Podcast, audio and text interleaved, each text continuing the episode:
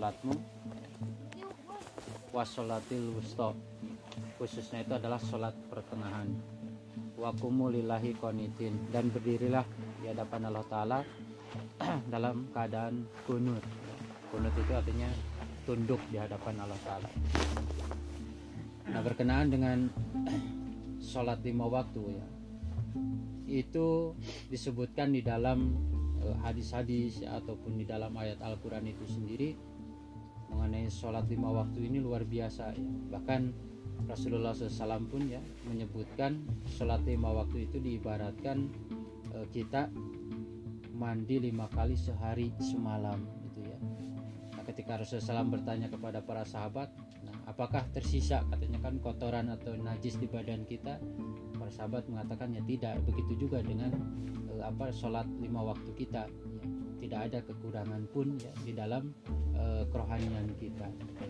Nah kemudian ada kata wassolatil wusta sholat pertengahan nah kalau saya baca hadis itu ternyata sholat wusta itu kelima waktu sholat ya.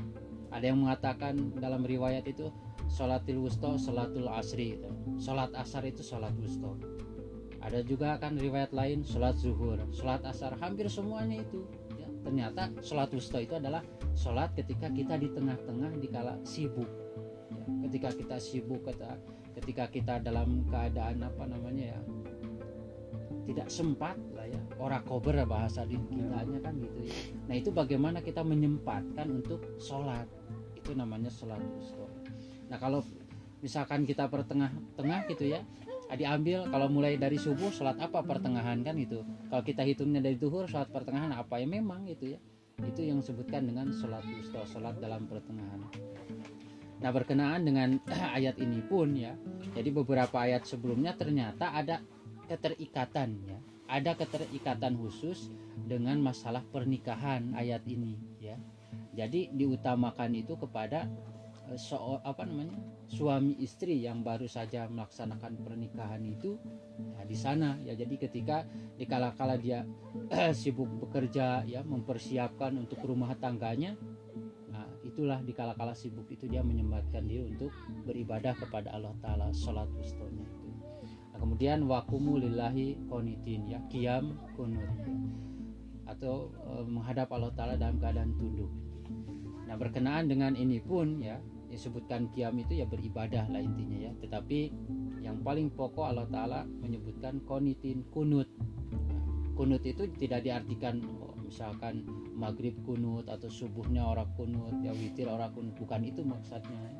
Maksudnya kunut itu adalah dia benar-benar ya menghadap Allah Taala ikhlas ya beribadah.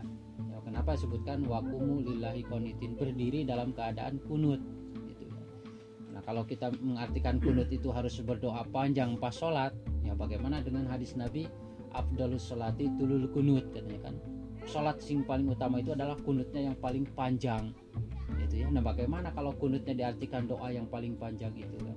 Tapi di sana yang maksudkan itu adalah kita uh, benar-benar rela ya beribadah kepada Allah Taala. Kita apa namanya menyempatkan diri untuk beribadah. Karena nyambung dari awal kan hafidhu ala sholawati wa sholatil wusta wa kumulillahi koniti nah sholat juga adalah kiam juga kan gitu. nah itu saja yang perlu saya sampaikan. Nah, khususnya kita generasi muda generasi muda jemaah itu luar biasa tantangannya.